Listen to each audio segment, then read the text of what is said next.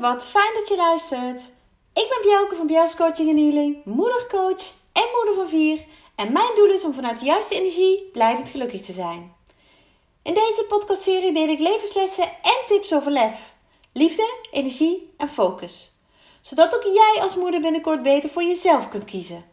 Ben jij klaar voor? Luister mee! Oh, en er is weer een week voorbij. En vandaag podcast nummer 44. En ik hou van dubbele getallen. Dubbele getallen hebben namelijk een spirituele betekenis. En ja, ik word daar helemaal blij van. Ook om het uit te zoeken wat het betekent, wat het voor boodschap heeft, wat het me vertelt.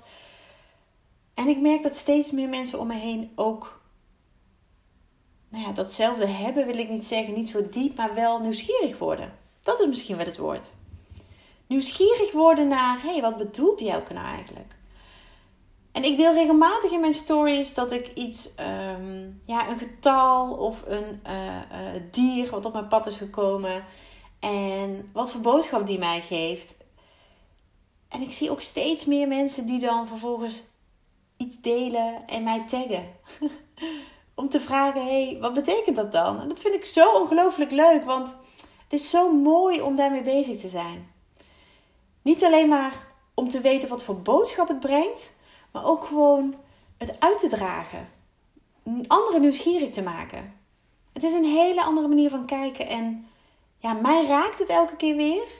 En ik geloof sowieso dat er meer is tussen hemel en aarde. Als je mij al langer volgt, dan weet je dat.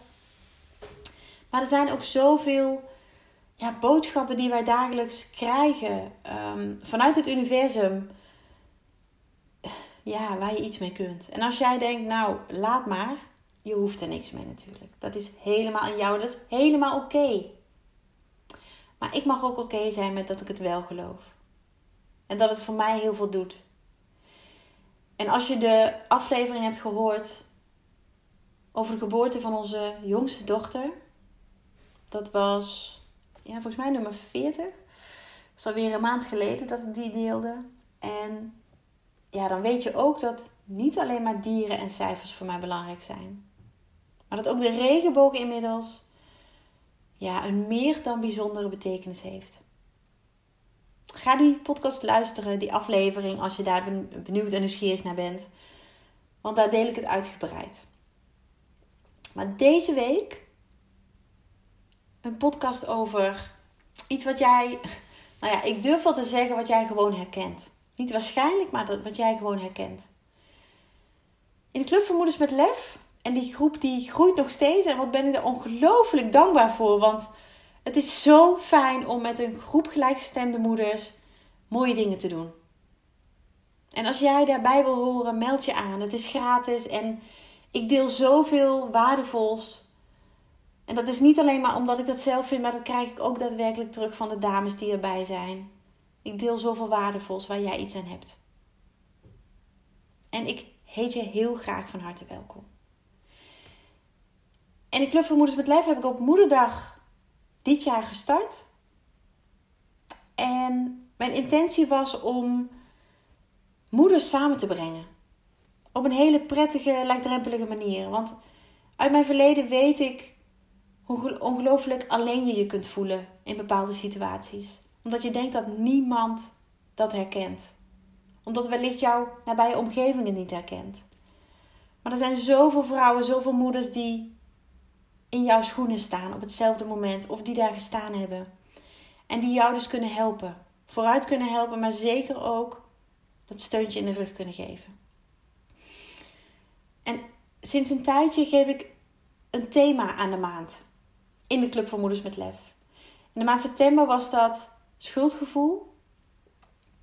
En deze maand, maand oktober, is het omgaan met je omgeving. En ik kies elke keer een onderwerp wat voortkomt uit de één op één coaching die ik doe. Of de live sessies die ik doe met de moeders uit de Club van Moeders met Lef. En waarom kies ik die thema's? Omdat ik weet dat het speelt. En dat is niet alleen maar uit eigen ervaring, maar dus ook gewoon uit jullie Hey, misschien was jij wel degene die ook met dit onderwerp struggelde, worstelde. En omgaan met je omgeving is een thema dat iedere moeder herkent. Want het is af en toe uitdagend, die omgeving. Het wordt ons ook niet makkelijk gemaakt. Niet als mens, niet als vrouw, maar zeker niet als moeder. Ik hoorde een hele tijd geleden, en ja, vind ik te bizar voor woorden, dat er een soort moedermafia is. Zo wordt hij in ieder geval genoemd. En er is nog een, de moederpolitie of zo. Ja, ik, ik geloofde mijn oren gewoon niet. Dat zijn moeders die de hele dag op social media aan het kijken zijn wat andere moeders doen, wat fout is. Nou, ten eerste denk ik dan, heb je geen leven? Weet je, als jij er gelukkig van wordt, ja, ik kan me dat niet voorstellen, maar wat is je doel? Want zover ik het begrepen heb, gaat het ook niet op een hele liefdevolle, ehm, respectvolle manier. Maar worden de moeders die het betreft met de grond gelijk gemaakt. En daar kan ik echt met mijn hoofd niet bij. net zoals ik aangaf, heb je dan geen leven, heb je niks te doen? Ik denk dat, dat nou, wanneer, geen idee wanneer ik dat zou moeten doen. En sowieso kies ik altijd de weg van positiviteit. Maar kennelijk is er een groep moeders.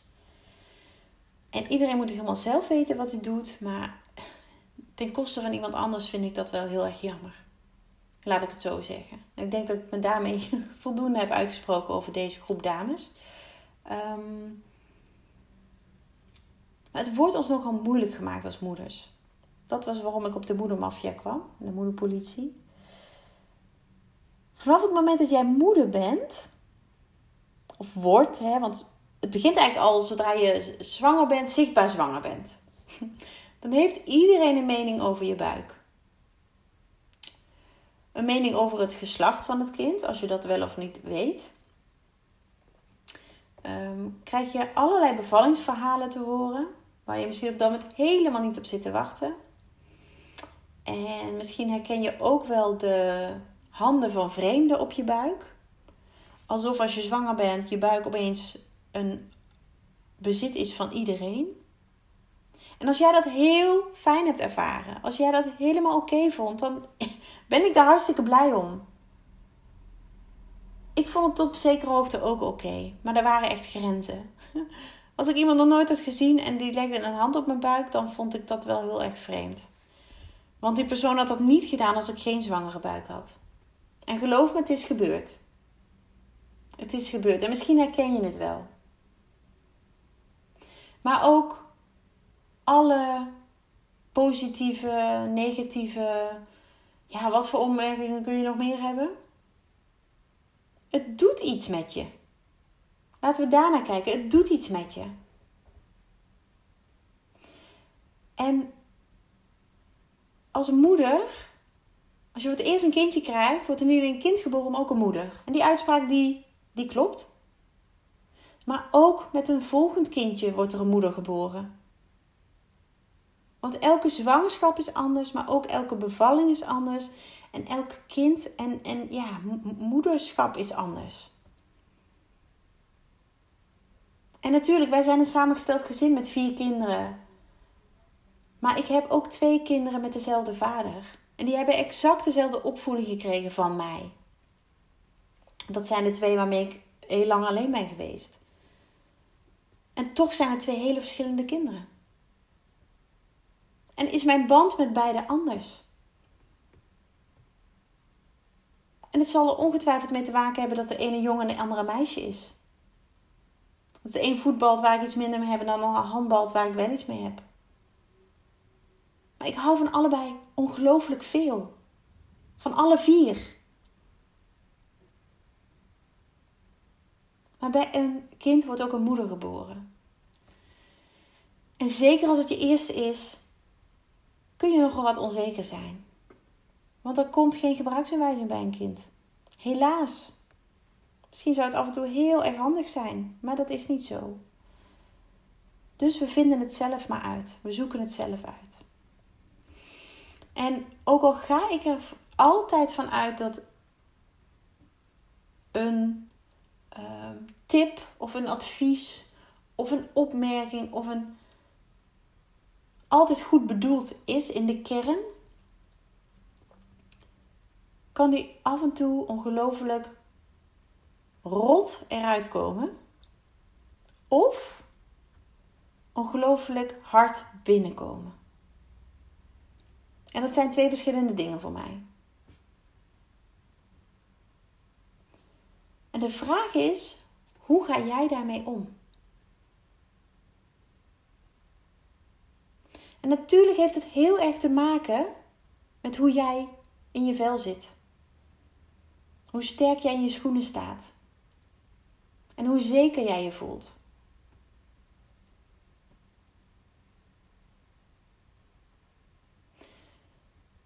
Maar ik ben er heilig van overtuigd dat jouw moederinstinct, jouw moedergevoel, of hoe jij het ook wil noemen, ongelooflijk krachtig is. En of je je nou 200% moeder voelt of uh, daar wat moeite mee hebt, ik geloof dat dat ontwikkeld is. En dat jij weet wat voor jouw kind het beste is.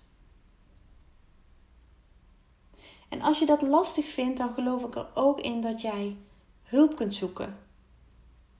En de hulp kunt vinden die jij nodig hebt. Maar dat wel vanuit jou moet komen. En jij met al die ongevraagde adviezen niet vooruit kunt. Sterker nog, het maakt je vaak veel onzekerder en ja, verdrietig misschien wel. Onzekerheid geeft namelijk ook heel erg het gevoel: ik doe het niet goed. Ik doe niet, uh, niet genoeg. Um, komt dat schuldgevoel weer naar, uh, naar boven. Het schuldgevoel.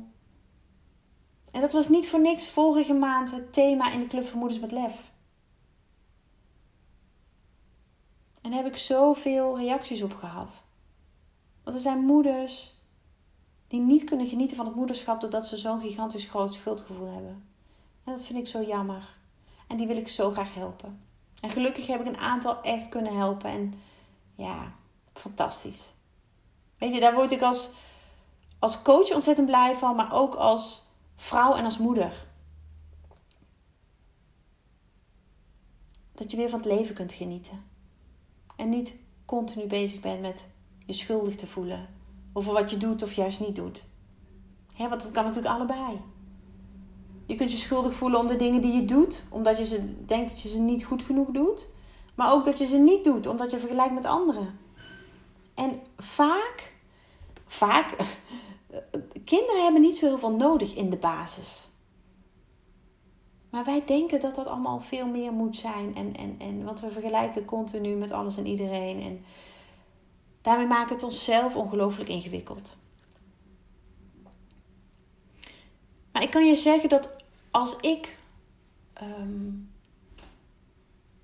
continu bezig was geweest met wat anderen ergens van vonden en me vooral daardoor had laten beïnvloeden, dan was ik op dit moment nog steeds diep en diep ongelukkig geweest.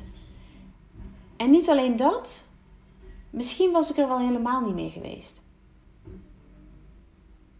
En ik heb die neigingen niet gehad, maar ik heb wel heel diep gezeten. En als ik toen alleen maar had geluisterd naar wat anderen vonden, ehm, dan was ik waarschijnlijk nooit ja, tot de juiste actie gekomen. Want ik blijf erbij dat iemand zelf het aller, aller, allerbeste weet wat hij nodig heeft. En als hij dat niet weet, dan heeft hij geen idee waar hij dat kan voelen, waar hij dat kan vinden. En dan moet hij daarbij geholpen worden. En dan zit het niet zozeer in het niet weten, maar gewoon even niet weten, niet kunnen herkennen. Uh, niet kunnen voelen. Of misschien wel kunnen voelen, maar daar vervolgens geen woorden of actie aan kunnen verbinden.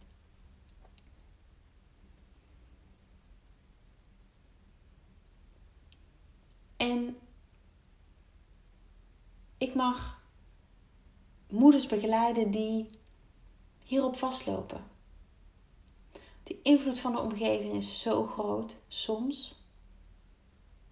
Echt, ik, ik, af en toe sta ik versteld. En de titel van deze aflevering, Ben ik dan niet egoïstisch, is een zin die ik van bijna alle moeders terugkrijg.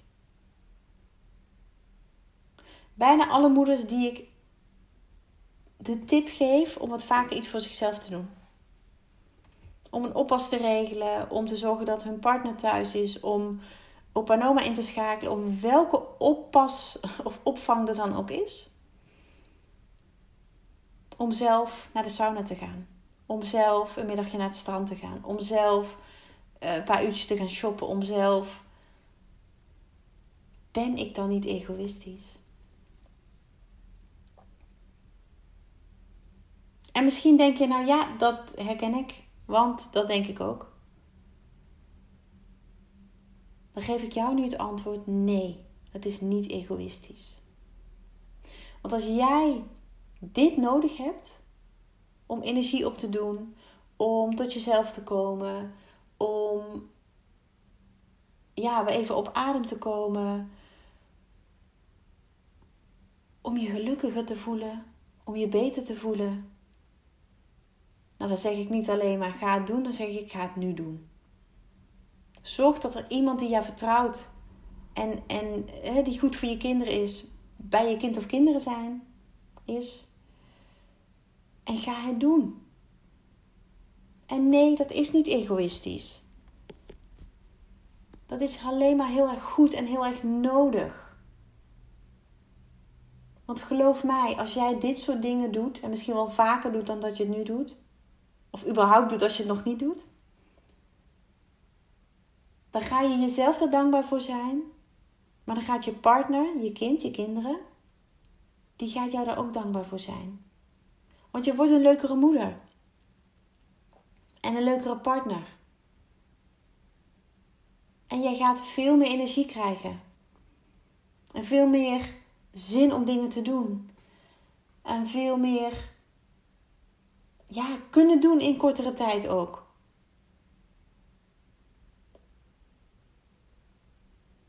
Want niet doen waar jij blij van wordt, dan loop je leeg. Dan loop je echt leeg. En dat is zo zonde. Dat, heb jij, dat, dat, dat verdien jij niet. Dat verdien jij niet. En laat alsjeblieft de zin: ben ik dan niet egoïstisch los? Alsjeblieft, laat het los. Ik zag een mooie spreuk op Instagram die heb ik ook gedeeld. En als je me volgt, heb je hem voorbij zien komen. En die gaat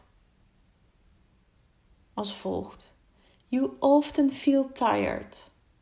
En dat herkennen wij als moeder als geen ander, denk ik.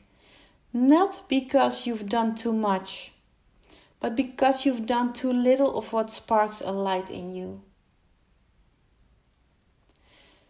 Ik vertaal hem even, want dan kan er misschien wat beter landen. Je voelt je vaak moe.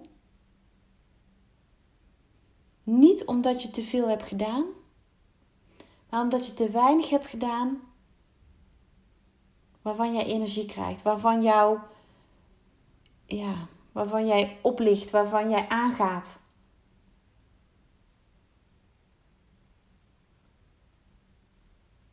Komt die binnen? Komt die bij jou binnen? En hoe komt die binnen? En misschien is deze uitspraak wel het antwoord op de vraag: ben ik dan niet egoïstisch?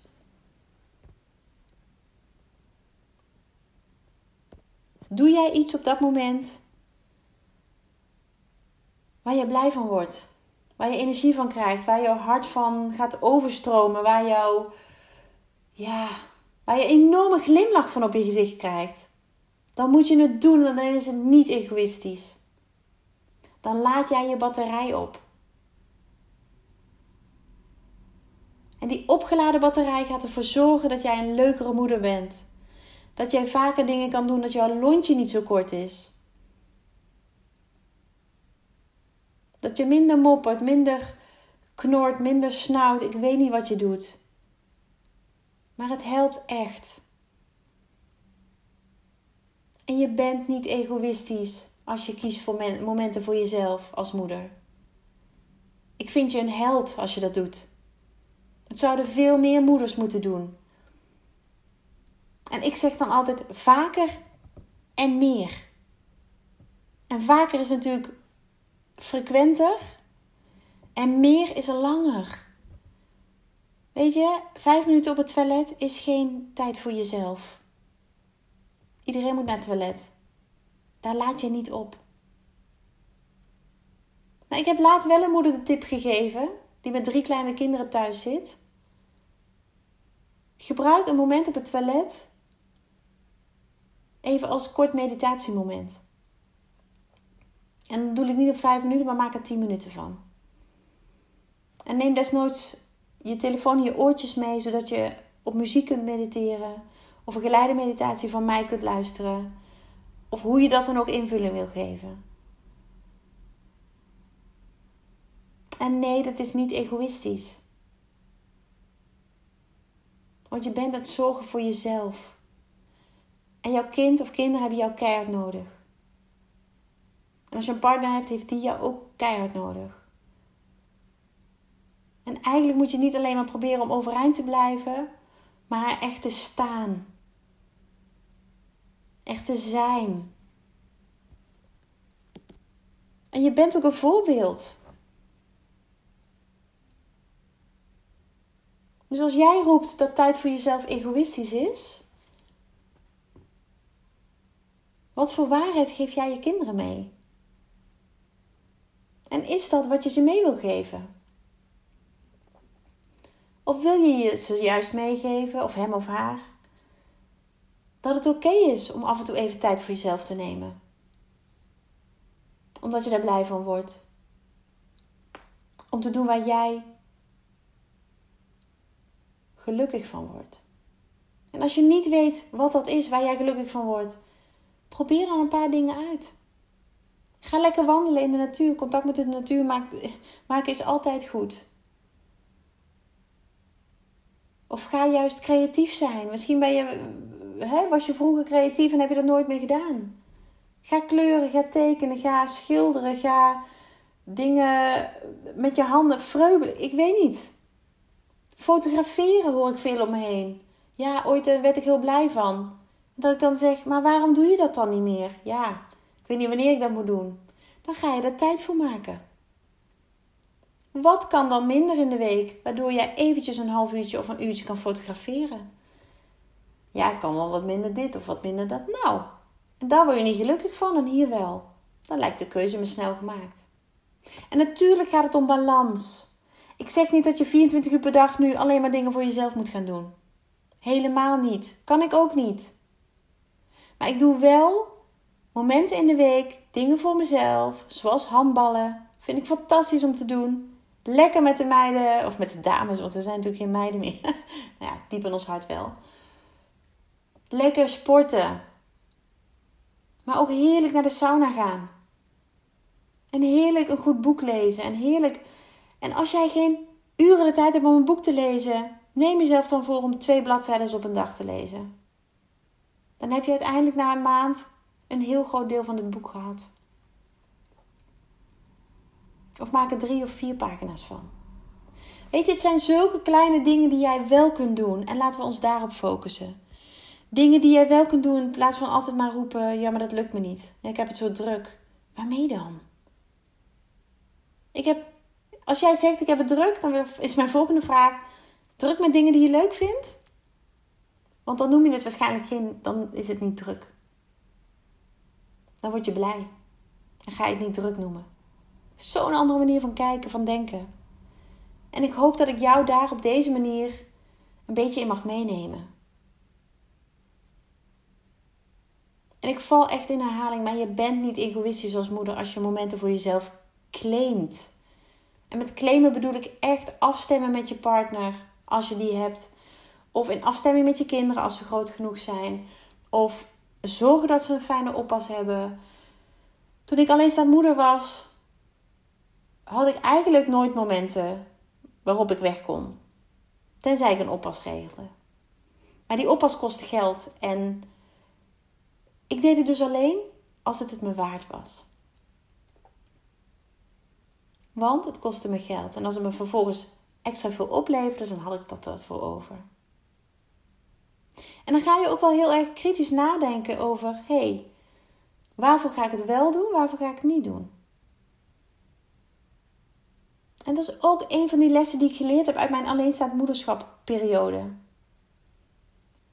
Met nog zoveel andere gigantisch fijne, keiharde, confronterende, maar bruikbare lessen. En laat deze les ook jou verder helpen. Dat jij als moeder echt ook momenten voor jezelf kunt nemen, mag nemen. En dat het niet egoïstisch is. Dat is juist heel erg nodig. En als iemand anders daar ook maar een andere mening over heeft, dan mag hij mij bellen. Stuur maar naar mij. Ik ga graag het gesprek aan.